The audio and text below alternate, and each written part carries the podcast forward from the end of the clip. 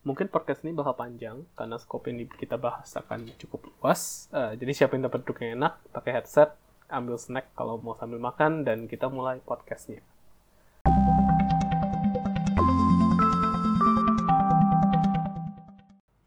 Hello, welcome to positive.dev. Uh, jadi hari ini kita bakal ngomongin tentang hal-hal yang lagi rame saat ini diomongin juga yaitu pandemi.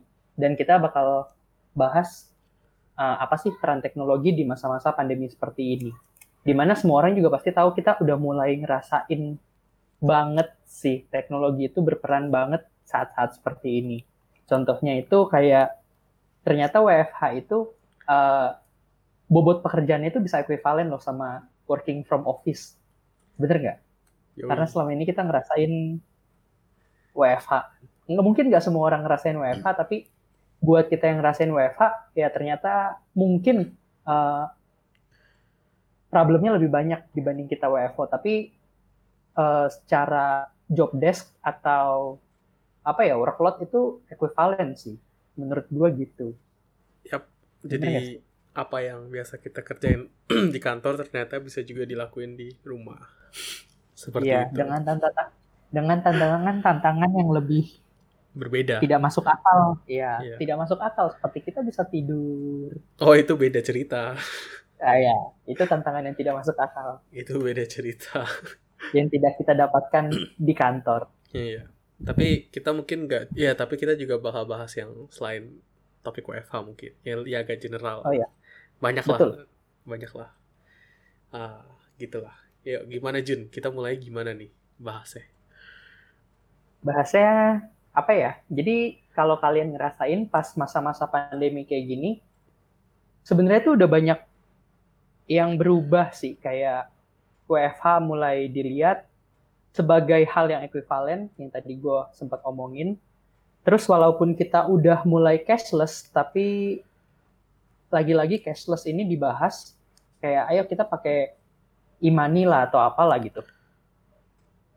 Karena ya itu tadi karena penyebaran COVID itu bisa lewat uang juga kan. Walaupun cashless itu sebenarnya kita udah bahas dari kapan tahu kan. Tapi balik lagi pas pandemi kayak gini lebih di apa bahasanya? Encourage kali ya? Iya, lebih di encourage. Terus ya sebenarnya banyak sih kayak gitu. Itu kan yang kita rasain di Indonesia, bukan di Indonesia sih. Itu kan yang kita rasain secara kita sebagai masyarakat, kita paling rasain mungkin itu ya tapi yang mungkin kita nggak rasain juga banyak sih seperti kayak gimana sih teknologi itu bisa memantau penyebaran uh, coronavirus yes. ini. Yep. Terus ya sebenarnya banyak sih kayak apa ya mau dibahas satu-satu itu kebanyakan contohnya ya contohnya banyak. Contohnya Cuman, banyak. Jadi mungkin uh, kan kita kita mungkin lebih bahas apa sih yang kita udah temuin aja sih kayak findings kita selama ini yang kita mau yang menurut kita menarik atau in, atau interesting itu apa sih kayak teknologi-teknologi yang mungkin iya, kita betul. highlight gitu. Nah tadi kan Jun juga udah apa udah bawa topik ada yang cashless payment terus ada yang WFA atau belajar dari rumah juga selain kerja ya remote working atau learning. Nah tadi juga udah ada disebut yang apa untuk memantau ya monitoring. Nah iya, monitoring. jadi kalau monitoring ini kan hmm, kalau menurut gue itu sangat apa ya sangat berguna untuk supaya orang sadar gitu di masa-masa gini yang orang mungkin udah mulai nggak peduli tapi kalau dengan uh, monitoring itu biasanya kalau yang ada sekarang tuh dalam bentuk dashboard biasanya kan. Ada yang dashboard yang di provide oleh uh, WHO officially. Terus ada juga yang kayak beberapa yang dibikin oleh pemerintah kita ada juga di pemerintah negeri lain. Banyak lah monitoring. Tapi menurut gue itu berguna untuk ya untuk kita tahu juga progres negara lain atau negara kita sendiri untuk ngehandle uh, apa pandemik ini gimana. Dan juga supaya orang-orang sebenarnya aware juga kalau pandemiknya belum kelar jadi jangan terlalu banyak jalan-jalan gitu sih ini yang belakangan ini kita topik yang cukup panas juga gitu jadi ya, ya ngomong, itu. ngomongnya juga masih hati-hati kayaknya iya, karena gue kadang-kadang keceplosan tiba-tiba mengkritik sesuatu yang krusial. Iya benar, itu ngomongin hal sensitivity. Tapi dengan ada yang monitoring ini, bagusnya kita semua orang jadi punya visibility. Semua orang yang bisa akses internet, basically bisa ngelihat juga apa uh, status coronavirus ini di negara lain gimana, di negara kita sendiri gimana, dan apakah tindakan yang kita lakuin selama ini uh, ada korelasinya kah untuk menurunkan case-case coronavirus ini di society kita? Gitu. Jadi mungkin kalau yang tadi kan gue udah kasih contoh yang WHO sama apa ya sama yang pemerintah kita lah biasanya. Yang kayak kawal covid atau enggak something provinsi apa uh, .covid19.go.id atau apa. Nah gitu gitu jadi itu hmm, menurut gue itu penting. Itu yang cukup sangat bukan bukan sangat bukan cukup ya tapi sangat penting. Karena ya gitu mungkin step one of untuk kita bisa mengendalikan apa virus ini kita harus tahu kan ada separah apa sih virus ini se tersebar apa sih dan itu bisa dilihat di salah satunya menggunakan dashboard ini gitu kalau menurut lu gimana Jun? Kalau menurut gua ya di luar kita uh, apa sih namanya? Di luar kita juga bisa mengetahui ya penyebaran itu udah sampai mana dan sudah sampai seberapa parah. Hmm. Di luar itu ya kalau kita ngelihat teknologi secara general, ini keuntungan kita pakai teknologi sih sebenarnya. Dan mungkin secara nggak sadar kita lebih aware terhadap apa ya bahasanya transparansi ya. Yap. Karena kalau misalkan kita ngomongin data dan data itu dipegang sama pemerintah, kita nggak selalu bisa tahu data tersebut itu apakah dimanipulasi segala macam gitu kan. Hmm. Cuman dengan adanya dengan adanya teknologi monitoring ini kita lebih aware uh, tentang transparansi data menurut gua kayak gitu sih. Si. Itu secara secara general ya, bukan cuma COVID ya. Karena emang harusnya kita lebih aware tentang transparansi data sih. Yap. Dan mungkin juga uh, gunanya teknologi ini untuk biasa kalau kita ngomongin data kan basically uh, biasanya dalam bentuk table tabular gitu kan ada provinsi apa angkanya berapa gitu kan kalau kita biasa sebagai orang mungkin ngelihat uh, cuman provinsi apa terus angkanya berapa angka hari ini berapa kemarin berapa kita ujung-ujungnya mungkin nggak terlalu bisa memvisualisasikan sebenarnya udah separah apa sih atau udah semendingan apa sih. Cuman dengan bantuan oh, iya, teknologi betul. dan analis analitik analitik itu kita bisa ngelihat uh, prediksi prediksi forecastingnya bakal kayak gimana dan juga kita bisa lihat state ini state hari ini mungkin dibanding sama kemarin dan sebelumnya itu gimana. Jadi kita bisa memvis lebih dengan bantuan teknologi bisa divisualisasikan lah datanya.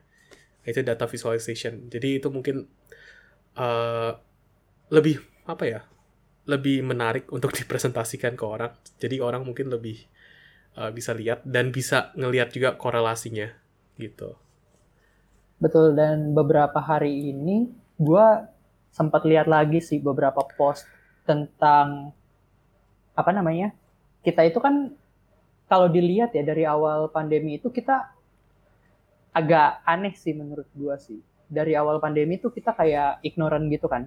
Terus di tengah-tengah ya bulan-bulan selanjutnya, dua bulan, satu bulan selanjutnya, itu udah mulai banyak panik kan sebenarnya kan. Ya, Terus tiba-tiba udah sampai di akhir-akhir ini ya balik lagi kayak biasa, bukan bukan new normal sih menurut gue, tapi ini back to normal. nah, karena hal-hal seperti itu, beberapa gue lihat ada orang yang ngepost dia bukan memprediksi kalau menurut gue ya, tapi dia memfa, uh, apa namanya memvisualisasi apa yang kita lakukan itu, baga, uh, apa yang kita lakukan itu ternyata berdampak. Kayak misalkan yang kalau post yang gue lihat itu dia tulisnya gini sih, dia ada tujuh hari. Hmm. Dia coba visualisasiin kalau misalkan di hari pertama itu kita nggak keluar sama sekali. Di hari kedua kita nggak keluar sama sekali, tapi di hari pertama keluar di hari ketiga kita nggak keluar sama sekali tapi di hari pertama dan hari kedua keluar hmm. kayak gitu nah dan itu kita bisa ngelihat eh, peningkatan penyebaran itu kayak gimana dan yang seperti yang kita tahu kan eksponensial kan iya Nah, itu yang menurut gue penting sih. Dan itu harusnya yang semua orang juga harus aware. Bukan kayak, ah cuma sebentar ini gitu kan. Keluarnya gitu maksudnya. Hmm. Nah, tapi ya yang lebih penting itu kalau kita udah ke tempat lain, ke mana, ya itu pengaruhnya berpengaruh banget gitu. Bukan cuma, ah satu hari doang, ah dua hari doang gitu kan. Yap. Tapi harusnya mulai dari hari ini. Nah, itu menurut gue itu cukup penting sih buat dilihat sih. Tapi kalau misalkan kita ngomongin itu kan kurang lebih kayak predik bukan prediksi apa sih bahasanya Forecasting, Sim- simulasi, Forecasting, prediksi pak simulasi. nah simulasi. Simulasi. itu kan simulasi kan ya Iya. nah kalau simulasi itu kan kita bisa eh, apa namanya kita bisa pakai simulasi tersebut eh, di dunia nyata gitu kan kita bisa terapin kan Ya. nah terus kalau misalkan kita ngomongin prediksi balik lagi tadi yang udah pernah dibahas prediksi itu kan di masa depan kan kadang beberapa orang juga eh, banyak yang bilang ya udah kita hidup hari ini bukan hidup besok gitu kan Hmm. itu mungkin nggak itu mungkin tidak ber, itu mungkin tidak berguna untuk orang-orang yang berpikir seperti itu gua nggak gua nggak bilang salah tapi mungkin prediksi itu tidak begitu berguna untuk orang-orang yang berpikir seperti itu Ya. tapi kalau misalkan eh, ternyata di yang kita temuin juga ada yang namanya folding at home Benar. dia nggak bilang dia nggak bilang prediksi tapi dia eh, melakukan simulasi sama kayak yang tadi kita eh, tadi gue sebutin jadi dia mensimulasikan gimana sih protein coronavirus ini bekerja Jadi dan itu lebih apa namanya menurut gue itu lebih bisa dimasuk ke akal sih sama masyarakat Luas lebih sih. lebih scientific. lebih saintifik Iya. Jadi folding at home itu kan eh, se- sebenarnya pro- se- folding at home kayak organisasi. Gue bilang organisasi atau produk ya. Mungkin kayak organisasi yang dan produk. Eh, jadi sebenarnya dia tuh as apa ya as a product dia itu untuk uh, distributed computing. Jadi dia ngedistribute computation untuk uh, mensimulasi mensimuli apa sih simulasi mensimulasikan uh, protein. Jadi kalau yang kita tahu kan coronavirus kan virusnya maksudnya masih baru. Jadi kita masih punya pada awal kita masih punya banyak pertanyaan tentang proteinnya bentuknya gimana, terus cara kerjanya gimana, eh, cara dia apa ya, cara dia penetrate healthy cells dari manusia gimana, terus kira-kira nanti cara kita nge-count atau cara kita bikin obat untuk eh, nge ngebunuh virus ini gimana gitu. Jadi folding at home ini basically untuk mensimulis mensimulasikan uh, folding dari sebuah protein. Jadi protein folding itu itu pelajaran biologi sih. Jadi itu kayak ada ada bagian sendiri lagi, segmen sendiri lagi yang kita karena kita nggak tahu kalau gue sih nggak terlalu jago ya. Mungkin jadi nanti kalau gue jelasin daripada sesat, mendingan cari tahu sendiri protein folding itu apa. Tapi ya basically folding at home itu untuk mensimulasi mensimulate uh, protein folding karena perlu banyak computation. Uh, jadi apa komputasinya itu bisa didistribute gitu. Sistemnya distributed computing uh, di mana semua orang bisa participate. Jadi ka- karena gue udah pernah coba, jadi uh, basically dia ada app-nya. Lu cuman perlu download app-nya, terus uh, lu bisa atur app-nya untuk jalan kayak kapan pun. Misalnya pas lu idle, laptop lu laptop atau PC lu idle, atau kapan pun, atau mau di pause, mau dimatiin. Nah, jadi ah, basically kayak ada job gitu yang bakal dijalanin sama uh, PC lu dan nanti hasilnya itu dibalikin lagi ke server dia. Jadi karena komputasinya banyak, jadi komputasinya disebar gitu ke siapa pun yang mau masuk ke dalam network ya. Nah, gitu sih. Jadi sebelumnya sebelum coronavirus mungkin contoh lainnya, uh, Folding at Home ini juga pernah participate basically di pas dulu ada Ebola outbreak. Jadi dia computational analysis yang uh, dia hasilkan itu, uh, itu dia mencari bagian mana sih protein virus Ebola, eh bag- bagian mana dari virus e- protein virus Ebola yang bisa dieksploit untuk uh, untuk ngebunuh virusnya gitu sih, atau net atau neutralize virusnya. Nah, jadi basically gitu sih. Tapi teknologi yang menarik mungkin eh, selain dari sisi computational dan biologi apa biomedicine staffnya sebenarnya itu kan distrib konsep distributed computingnya. Nah, gitu. Lu udah pernah berpengalaman nggak Jun dengan apa app-app aplikasi-aplikasi lain atau implementasi lain dalam apa distributed computing gitu? Enggak, saya pernahnya mining, Pak. Ah, Bitcoin mining Iya. masa-masa Ya, tapi itu ya. ya tapi itu cuma nyobain gua nggak gitu tahu dalamnya tuh kayak gimana sih. Hmm, ya, I see. Ya, gitu sih. Ya, menurut gue ini cukup interesting uh, konsep distributed computing ya. Karena ya mungkin implementasi salah satu implementasi ini kan protein folding ini. Tapi kalau kita pikirkan lagi, ini tuh bisa diimplement untuk kayak banyak hal sih. Lu mau calculate apa pun basically yang butuh uh, power yang gede dengan konsep distributed computing lu bisa sebarin ke orang-orang yang mau ngebantu gitu. Nah, mungkin lu juga bisa kayak bikin network yang uh, ada insentifnya. Jadi kalau ada orang bantu dia bisa dapat something. Ya kayak Bitcoin mining ujung-ujungnya ya. Tapi kalau untuk yang folding at home ini basic uh, setahu as far as I know dia nggak ada insentif sih karena kan ya kita membantu manusia untuk bertahan. Mungkin insentifnya itu kita hidup. Volunteer ya, volunteer ya. Iya. Apa insentifnya itu life. Insentifnya satu detik napas. satu detik napas. Nah iya, basically gitu. Jadi eh iya dia sendiri yang ikut ini setahu gue udah baik banget. Ah, dia kalau ke websitenya foldingathome.org dia juga ada list kayak siapa aja yang udah participate, dia udah part dia udah contribute berapa poin sih. Ter, eh, kayak gitu sih. Jadi kita bisa lihat juga. Tapi mungkin itu bukan yang penting. Yang pentingnya mungkin kita ikut membantu aja gitu.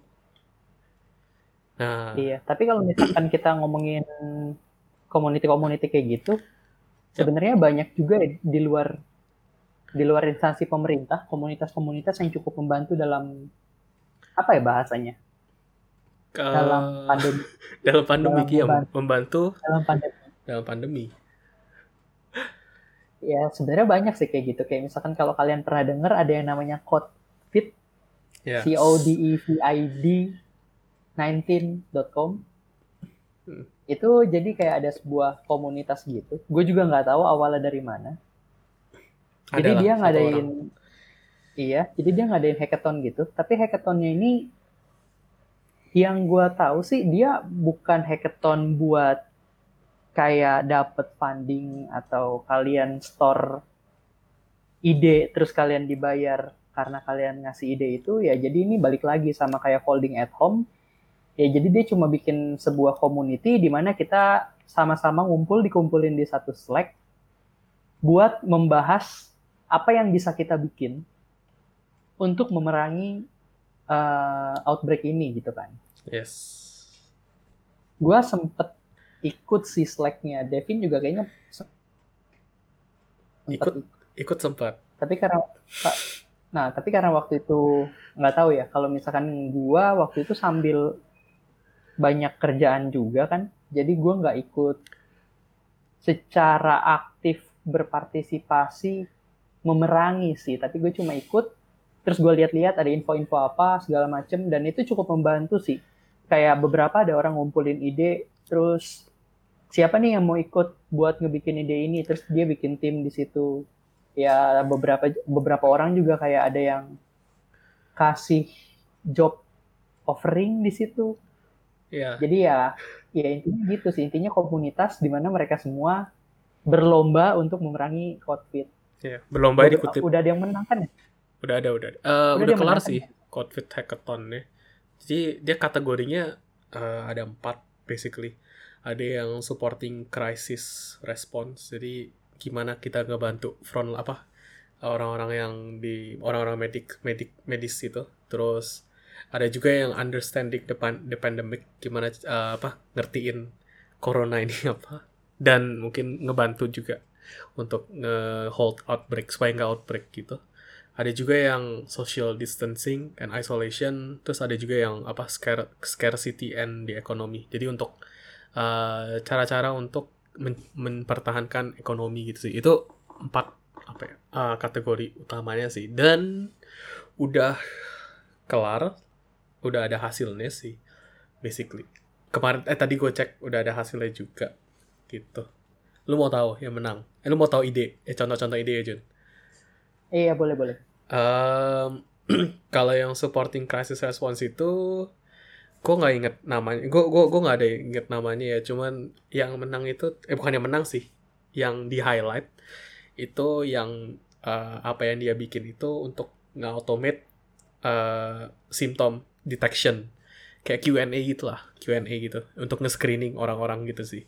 Jadi daripada satu orang masing-masing orang harus ada orang apa orang medis yang handle dulu mungkin bisa lewat screening service ini dulu. Jadi kita ada sim dia bis dia ada kayak Q&A gitu simptomnya apa aja terus up nah nanti kita isi setelah kita isi kayak ada hasilnya gitu berapa pers gue nggak tahu hasilnya bentuknya apa karena gue nggak lihat appnya cuman di bayangan gue mungkin kayak eh, seberapa persen sih lu likely eh, kena eh bukan kena terjangkit coronavirus atau enggak terjangkit gitu.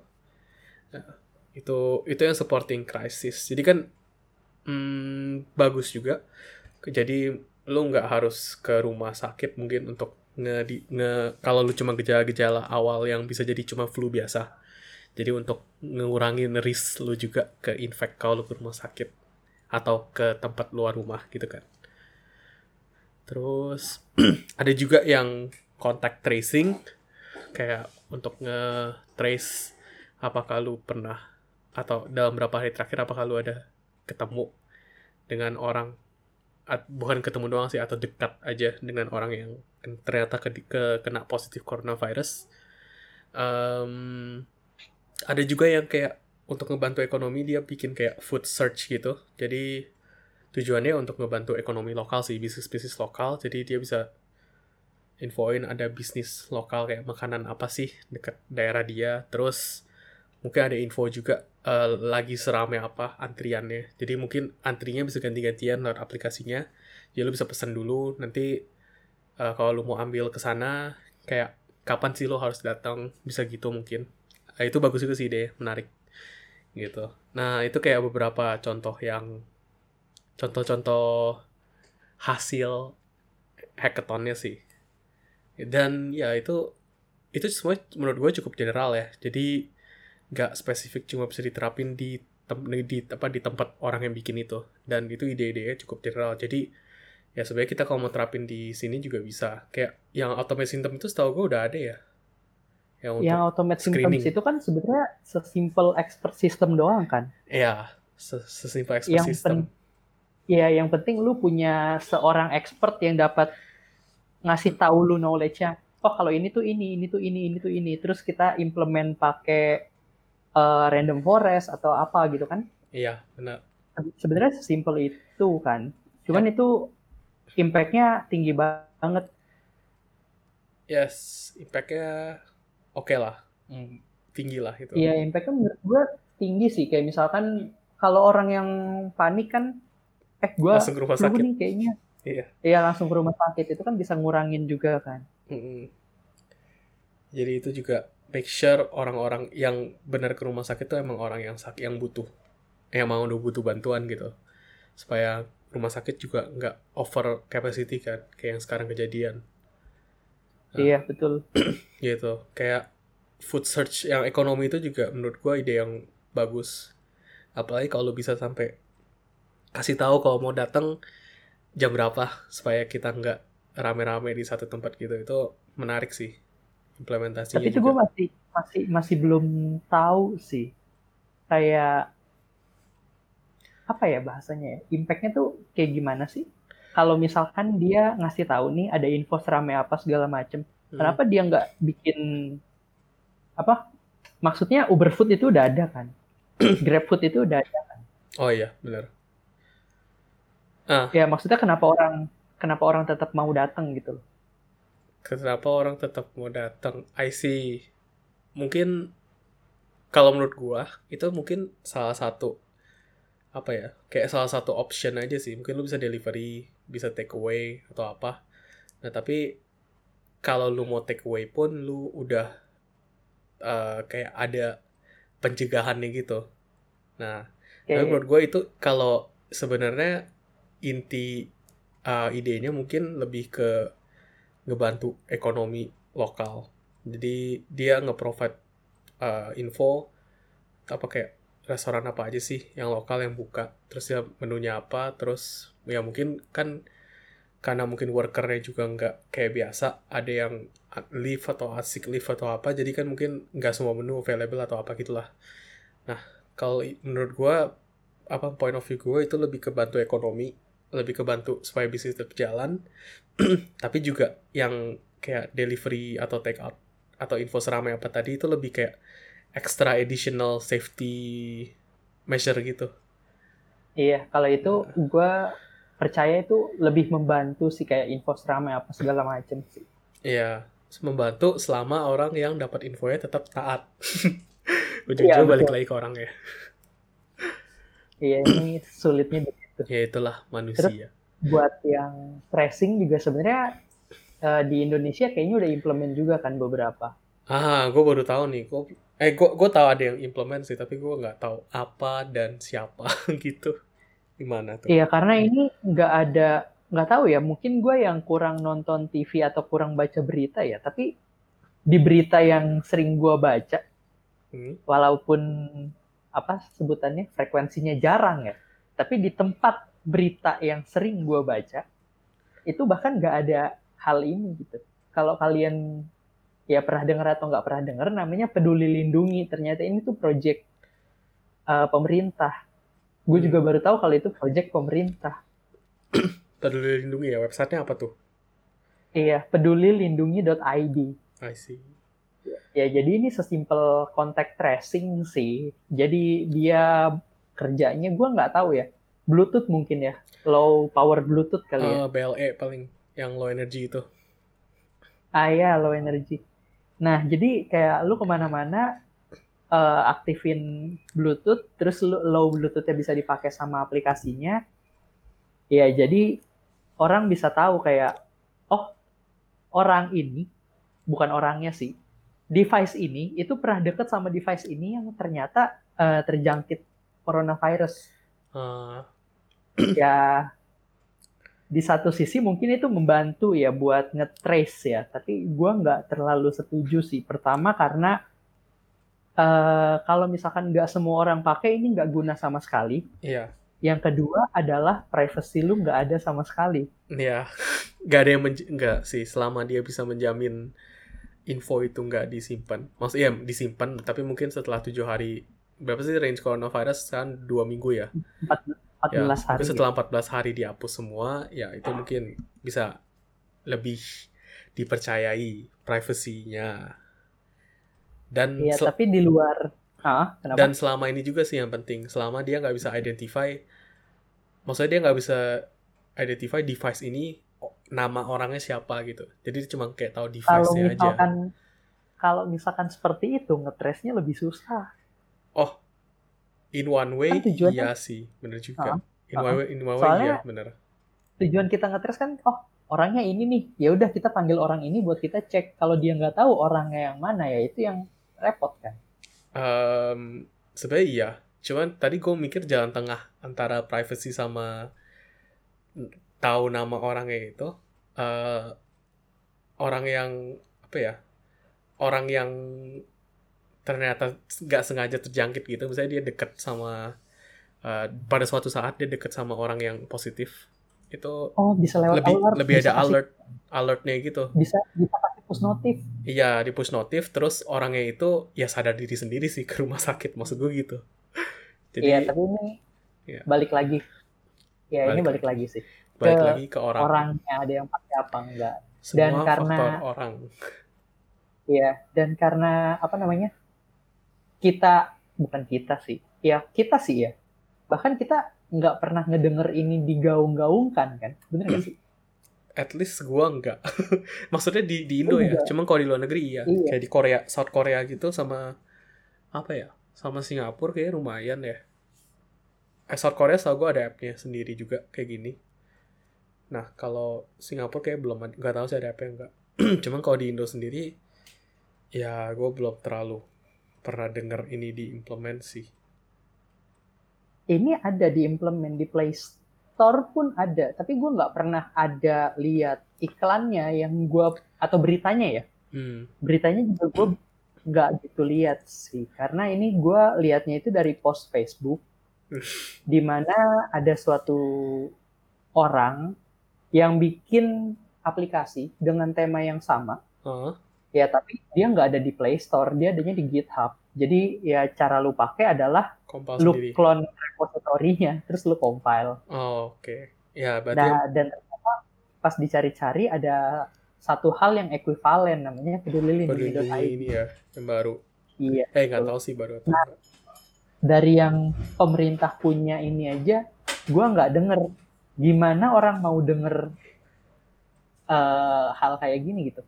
Bahkan ini kan maksudnya ini jauh lebih berguna daripada lu denger berita tentang apa Eka- ekaliptus gitu kan. Ah, tentang apa? Ekaliptus Oh, apa yang sih? oh, kalung. kayu putih. Yang Iya, yang kalung itu. Oh, iya. Ini tuh lebih berguna daripada lu dengerin yang kalung gitu kan. Maksudnya ini nggak pernah digaung-gaungkan gitu. Dan Iya. gue yakin juga mayoritas pendengar podcast ini mayoritas ya nggak nggak nggak tahu kalau menurut gue sih kayak gitu. Eh, menurut gua ya tadi lu bilang berguna atau enggak. Kalau menurut gua bergu apa? Apa ya? Tingkat kebergunaannya itu kan maksudnya ini masih virusnya kan kita belum terlalu kenal juga sebenarnya pada awal itu kan. Sebenarnya cara mungkin cara kita bisa ngukur berguna atau enggak kita bisa lihat negara ada gak sih negara lain yang udah implement dan hasilnya gimana. Kalau yang kontak tracing ini kan South Korea udah implement dan hasilnya oke kan. Maksudnya maksud oke eh, dia selama pemerintah actionnya juga cepat untuk nge-follow up kasus-kasusnya ya outbreaknya semakin less likely untuk kejadian. Nah, gitu. Cuman kalau yang tadi case satu lagi yang lu sebut yang itu kan emang belum terbukti di negara lain juga gitu sih. Mungkin itu cara nilai Iya, berguna atau enggaknya. Gitu Terus apa lagi ya? Terus, oh NFC. ini aja. Oh, ini- oh iya kan kontak trace apa NFC? Oh, hmm, NFC berarti bukan kontak tracing harusnya pakai Bluetooth kan? Mungkin NFC itu lebih ke yang apa ya? Cashless gitu kali ya? Cashless payment. Iya. Nah, Jadi yang ta- tadi kan di awal gue udah sebutkan kalau kita ini sebenarnya udah banyak yang sadar cashless. Yap. Tapi ini ya sebenarnya gue nggak tahu sih ya ini kita balik lagi ke zaman dulu atau enggak. Kayak kita mikirnya oh 2020 tuh ada mobil terbang. Ternyata 2020 itu yang kita bahas adalah cuci tangan gitu kan. ya back to basics. Ya back to basics gitu. Ya sebenarnya kita juga udah sadar ada cashless ini udah dari lama. Dari kayak GoPay ada, dari OVO ada, dari Dana ada segala macem kan. Tapi beberapa uh, beberapa hari belakangan ini, nggak beberapa hari sih pas pandemi ini, belakangan ini ini digaung-gaungkan lagi. Ayo kita pakai cashless dibanding pakai uh, uang Hmm. kertas gitu kan. Bahkan sebelum Atau ya, uang sebelum e-wallet e-wallet itu sih kartu debit ini sebenarnya juga udah cashless kan, flash gitu gitu, e-money. Oh iya, betul. yang udah lama Betul. banget. Iya. Cuma kalau cashless itu mungkin implementasinya selain ya bisa NFC, kayak sekarang kan udah banyak yang jam yang ada NFC ya. Kayak jam yang ada apa Xiaomi Android Android Pay atau Apple Pay gitu kan bisa bisa pakai NFC untuk ngetap di kasir atau apa. Cuman kayak di sini belum. Betul, betul. Cuman kayaknya selain itu yang cukup ngetrend sekarang itu yang pakai QR code kan. Oh, kayak QRIS. link aja gitu ya? Iya kayak dana nggak tahu sebut merek boleh gak tapi kayak dana yang dana gitu-gitu boleh. yang kita dia ada alatnya kita Kita tar- kita nge-scan QR kita di alatnya gitu kan Iya, betul. iya jadi Nah, tapi ya ini balik lagi ke manusianya. Ini sebenarnya kita bahas, nggak tahu sih, gue agak aneh aja kita bahas kayak peran teknologi, tapi sebenarnya yang kita bahas itu betul peran teknologi, tapi ini balik lagi ke manusianya sih sebenarnya sih. Karena teknologi selalu maju, belum tentu orang-orangnya juga tetap maju sih. Yap. Kayak jadi misalkan kita, bahas yang NFC ini aja deh. ah, mungkin teorinya teorinya bagus ya karena eh, NFC itu kan ya cuma kita aja gitu yang pakai. Kita tiap eh, kita pegang NFC card eh, NFC kita kita pegang kita tempel buat bayar ya udah. Kita cuma pegang eh, NFC-nya cuma dipegang sama kita. Hmm. dibanding sama kita pakai uang gitu kan. Uang itu kan eh ya nyebarnya ke mana-mana segala macam kan. Yap. ada bekas dari inilah bekas dari itulah. Ada yang ditulis nomor telepon lah segala macam nah Iya. tapi eh, itu dia teori teorinya bagus tapi prakteknya ya pas lu lakuin misalkan nih lu pas di pas naik transportasi umum deh lu mau isi gitu kan mau isi GoPay. Ya. Eh, kartu lah. isi kartu lah isi flash atau isi money gitu kan Hah. ya ujung-ujungnya oh, flashnya dipegang juga Iya. sama orang Tapi tersebut itu kan ya sebenarnya ada alternatifnya juga bisa kita isi sendiri kan, kayak di app atau apa. betul Ya, alternatifnya isi sendiri ujung-ujungnya balik tapi ke orang. betul kalau misalkan kayak lu ke supermart atau minimart gitu lu bayar pakai debit Oh atau iya. lu bayar pakai bayar pakai flash lah Iya. ya pasti kartunya dipegang kan Iya. itu yang menurut gua iya teorinya bagus tapi prakteknya nggak gitu tidak begitu memuaskan sih result dari prakteknya Iya, jadi, jadi, ya, jadi sebenarnya balik lagi ke manusianya manusia. Jadi manusia yang ngebikin teknologinya juga, tapi manusia juga yang nentuin gimana dia mau pakainya sih, mau bener atau enggak. Bukan bener sih, mau ah nggak tau lah, ya mungkin positif atau tidak. Gue nggak bisa, gue terlalu bisa bilang bener gitu sih. mau ikut maju dengan teknologinya Nah. atau tidak Mungkin itu mau maju atau tidak. Oke, tapi tapi itu kan positifnya kan ya negatifnya sebenarnya banyak. Negatif itu sebenarnya banyak. Banyak. ya banyak. Kayak misalkan eh, oke lah kita ngerasain WFH kan. Tapi buat orang-orang yang oh ya udah kita online learning gitu. Padahal buat online learning ya mungkin banyak universitas sudah siap Hmm, dari segi infrastruktur maupun materi. Hmm. tapi kayak misalkan sekolah-sekolah kayak gitu kan nggak belum siap kan dan kita Dan- harus mikir juga kita kita tinggalnya ya kita maksudnya tinggalnya di daerah Jakarta. Tangerang yang cukup technologically cukup maju. Terus mikirin juga yang di yang agak mungkin di luar Pulau Jawa atau apa gitu kan. Ya mungkin tapi in- yang tapi yang menarik itu kalau lu bilang kita di Tangerang atau Jakarta yang teknologinya cukup maju Ya. yang lucu itu sebenarnya adalah penyebaran di Tangerang atau di Jakarta itu cukup tinggi. Penyebaran apa? Oh iya. Kalau lu korelasiin ke itu iya. Ya jadi ini literally balik ke manusianya dan ya itu balik lagi deh. Kita ke online learning. Nggak semua orang nggak semua tempat infrastrukturnya itu memadai. Setuju. Sulitnya di situ. Dan kalaupun infrastrukturnya memadai apakah materinya memadai? Apakah kurikulumnya memadai? Atau resource-nya kayak gurunya segala macam memadai ya balik lagi ke situ kan. Hmm, jadi teknologi mungkin kalau kita summary-in eh, kita bisa ngelakuin udah banyak hal dengan teknologi terutama di pandemic ini. Tapi balik lagi ujung-ujungnya gimana cara kita pakai apa yang udah dibikin itu untuk me- apa dengan benar atau enggak? Untuk dengan full potensial dari teknologi itu atau enggak? Biasanya ujung-ujungnya gitu sih teknologi disconnecting people teknologi disconnecting people ya in some way tapi ya in some way iya Iya. Tapi tadi ya iya yang on- kalau masalah online learning itu emang iya. Kayak technological gap mungkin masih banyak. Dan yang sering muncul juga kan masalah kuota sama internet gitu kan. Ya itu juga masalah. masalah cu- lumayan Tapi gede itu- sih. itu udah di itu udah diatasin loh pemerintah itu udah ngasih undang-undang ya atau undang-undang atau kebijakan di mana kita bisa dapat kuota Hmm. gratis dan beberapa yang gua yang gua kesel itu adalah kita dapat kuota gratis yang dibatasin untuk pembelajaran misalkan eh, apa ya gua pakai dari operator gua sih dia ngasihnya buat kayak conference call kayak Google Meeting, Zoom segala macem kayak gitu. Iya. Jadi kuotanya itu dibatasin gitu. Kayak apa pakai eh, apa sih bahasanya? Pakai Zenius atau pakai ruang guru gitu kan. Ah, Nah, tapi yang bikin, yang bikin kesel adalah beberapa orang ini yang lebih melek teknologi, dia bisa bypass kuota tersebut jadi kuota general. oh, iya. X ya itulah manusia ya manusia iya itulah tapi ya tapi uh, kuota itu one thing. Tapi faktanya mungkin connection internet itu sendiri mungkin lebih jadi masalah selain kuota ya. Atau bahkan device-nya nggak punya. Atau bahkan device-nya nggak punya. Benar itu ya masalah gede sih. Kan biasanya mungkin masih pada yang yang mungkin agak susah transisi itu kalau yang selama ini masih pakai lebih sering pakai buku tulis mungkin. Kan kalau lu remote gitu ujung-ujungnya antara harus dalam bentuk file atau atau lu tulisan di scan atau apalah gitu kan. Nah itu butuh ya teknologi-teknologi tambahan sih yang sebelumnya mungkin oh, belum pada familiar gitu.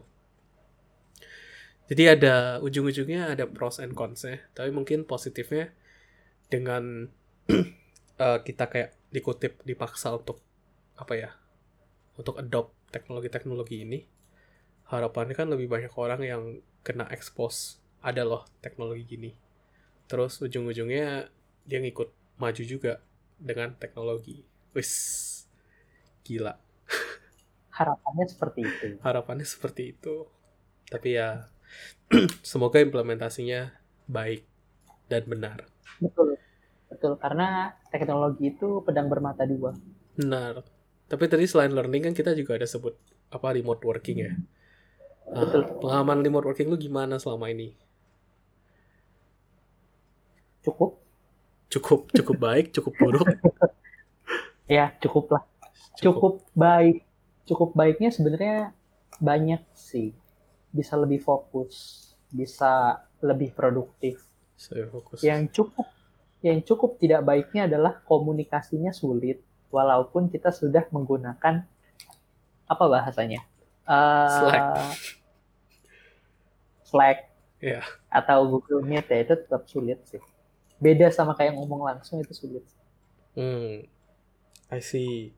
Ya, itu gue juga ngerasain. Mungkin karena kalau gue kan case-nya lebih lebih spesial juga ya kan gue pas masa transisi pindah kantor juga pas kayak gini jadi gue belum pernah ketemu face to face sama orang-orang kantor baru gue jadi itu juga one point yang karena gue WFA terus dari Maret sampai sekarang sampai pindah kantor. Jadi ya belum pernah ketemu face to face aja. Jadi nggak tahu ya biasa kalau gue kalau udah pernah ketemu orang kalau dengar dia nelpon suara nelpon atau apa gue bisa ngebayangin orang itu ngomongnya kayak gimana. Cuma kalau sekarang meraba-raba. Gitu sih. Kayak apa namanya dia ngomongnya seperti apa? Kadang orang titik komanya tuh kebalik gitu kan. Iya belum terlalu ngerti titik ini tuh dia marah atau titik ini emang biasa dikasih titik gitu. Ya gitu-gitu sih. Emang ya komunikasi tetap utama. Eh maksudnya mungkin yang poin yang paling tricky. Tapi kalau mungkin karena kita engineer kerjaan kita juga udah di laptop ya nggak banyak ya nggak nggak perlu ke lapangan kan kita. Cukup lucky. Jadi ya masih bisa lah kita gitu. Taps. Ada lagi iya. kah yang ya, mau bawa nih? Teknologi-teknologi yang belum. Teknologi itu yang belum. Yang belum dibahas tadi yang belum kita bahas maksud gua. Oh yang belum dibahas itu sebenarnya ada satu sih yang nyangkut sih. Apa kayak tuh? lu pernah denger RT RWNet nggak uh, enggak kalau dengar namanya enggak cuman kalau dengar kan itu net ya network ya. Kalau dengar apakah ada network yang didesain untuk masa-masa pandemi atau masa-masa bencana alam gue pernah dengar. Tapi bukan yang itu. Ya gue gak tahu jadi RT RWNet apa? Jadi RT RWNet ini sebenarnya bukan pas pandemi munculnya. Tapi ini udah lama banget jadi dari zaman gue SMK gue juga pertama kali denger ini pas zaman gue SMK sih. Hmm. Jadi RT RWNet ini sebenarnya cukup membantu. Kan kayak akses internet kan sekarang nggak sekarang sih saat ini ya. cukup sulit dimiliki sama banyak orang kan. Cukup su nah, iya. Nah jadi apalagi kita ngomongin online learning gitu nggak semua orang bisa pakai. Yep. Nah jadi RT RWNet ini ya sesuai namanya jadi kayak ya udah lu uh, subscribe di sebuah internet provider. Eh gue butuh internet cepet nih. Misalkan bapak RW atau bapak RT setempat gitu kan Hmm. dia subscribe bulanan lah bayar internet secepat apalah gitu kan se bisa dipakainya misalkan ini contoh paling gampang deh misalkan di di lingkungan lu itu ada 10 orang yang bakal pakai internet buat online learning atau apa gitu kan Hmm. Nah, tapi mereka nggak punya akses internet ya udah ngomong ke eh, kepala lingkungan di situ ya mungkin budgetnya ada ya buat buat bayar kayak gitu jadi kayak siapin wireless router di mana orang bisa pakai secara gratis gitu loh Hmm. ya sebenarnya itu sih Kayak Starbucks. Buka Ya, Starbucks di hotspot mana-mana. simpelnya hotspot lah Iya, hotspot gratis hotspot ya gratis. sebenarnya simpelnya sebenarnya simpelnya itu dan balik lagi teorinya itu bagus tapi prakteknya kurang ajar kadang kan Ya, gitulah. Ya, Ya. teori bagus. Itu kan kayak Elon Musk punya apa sih internet Starlink ya yang dia mau provide itu. Kan tujuannya itu Oh. untuk mencakup uh, rural area gitu yang belum ada internet gitu kan. iya betul betul Basically gitu sih. Cuman ya balik lagi emang implement apa implementasinya serta apakah orang-orang yang menggunakan itu digunakan dengan tujuan yang benar. Tapi kalau menurut gua ya, kalau menurut gua ini adalah implementasi yang cukup simple. Hmm. Kalau misalkan, misalkan kayak gini deh, gua nggak tahu sih eh, orang-orang itu sekolahnya di sekolah terdekat mereka atau sekolah pilihan mereka itu kan pilihan mereka kan ya. Ya. Nah tapi misalkan nih, ya kita ngomong aja eh, sebuah lingkungan itu semuanya sekolah di situ Hmm. sekolah di lingkungan terdekat mereka gitu misalkan Ya. ya di sekolah paling deket jadi di sekolah tersebut dia nyiapin kayak satu server Hmm. isinya materi Hmm. Terus dia siapin router tanpa internet Hmm. Jadi kayak ya FTP gitulah bikin kalau- dashboard buat buat online learning tapi offline gitu loh Iya, ini kalau case-nya berdekatan kan. betul Kalau lu jauh ujung-ujungnya Nah. nggak bisa. Ya, betul. Makanya tadi yang gua sebut adalah RT RW net. Maksudnya ya satu lingkungan lah gitu. Satu lingkungan bisa mengakses hal yang sama. Ah. Hmm, menarik sih. Nggak, nggak selalu internet sih. Ya balik lagi kayak tadi Nggak materi harus atau internet. apa. Iya, yang penting Betul. yang penting di mereka antar device bisa terhubung aja. Nggak harus ada akses internet. Betul. Nggak harus ada akses internet. Yap, yap. Menarik. Sebenarnya itu hal hal-hal paling basic sih yang harusnya diimplement ya. Sebenarnya lu bisa bikin network of apa pakai P2P gitu sih. Network of devices. Iya, iya betul betul. Hmm. Implementasi eh apa? Apa bahasanya? Ide yang Ad menarik. hoc network ya. Kalau P2P kayak gitu ya. Ah, gue nggak tahu bahasa benernya apa. Ya, Iya. tapi itu paling simpel. Kalau misalkan mungkin yang ngedenger ini ya punya privilege buat melakukan itu ya mungkin cukup Cool. membantu sih. Coba di brainstorm lagi. Iya. Menarik, menarik. Mantap. Iya. Oke, kalau gitu. Dari gue itu aja. Sip. Kita kayak udah cukup bahas lah ya. Udah beberapa yang kita Iya. bahas tadi. Yang yang menurut kita penting. Tapi kalau ada dari kalian ada yang lain yang mau di bring up, silakan. Atau kalian mau cari-cari juga cara bantu di tengah pandemi gini gimana sih? Itu juga bisa. Why not? Gitu. Oke, kalau gitu. Thank you. Yo, thank you. Terima kasih telah mendengarkan podcast kita ini. Mohon maaf kalau ada salah kata yang dis baik yang disengajai maupun yang tidak. Eh, jika ada pertanyaan lebih, lebih lanjut, bisa kontak kita di hello at positive.dev atau juga bisa DM di Instagram kita at positive.dev.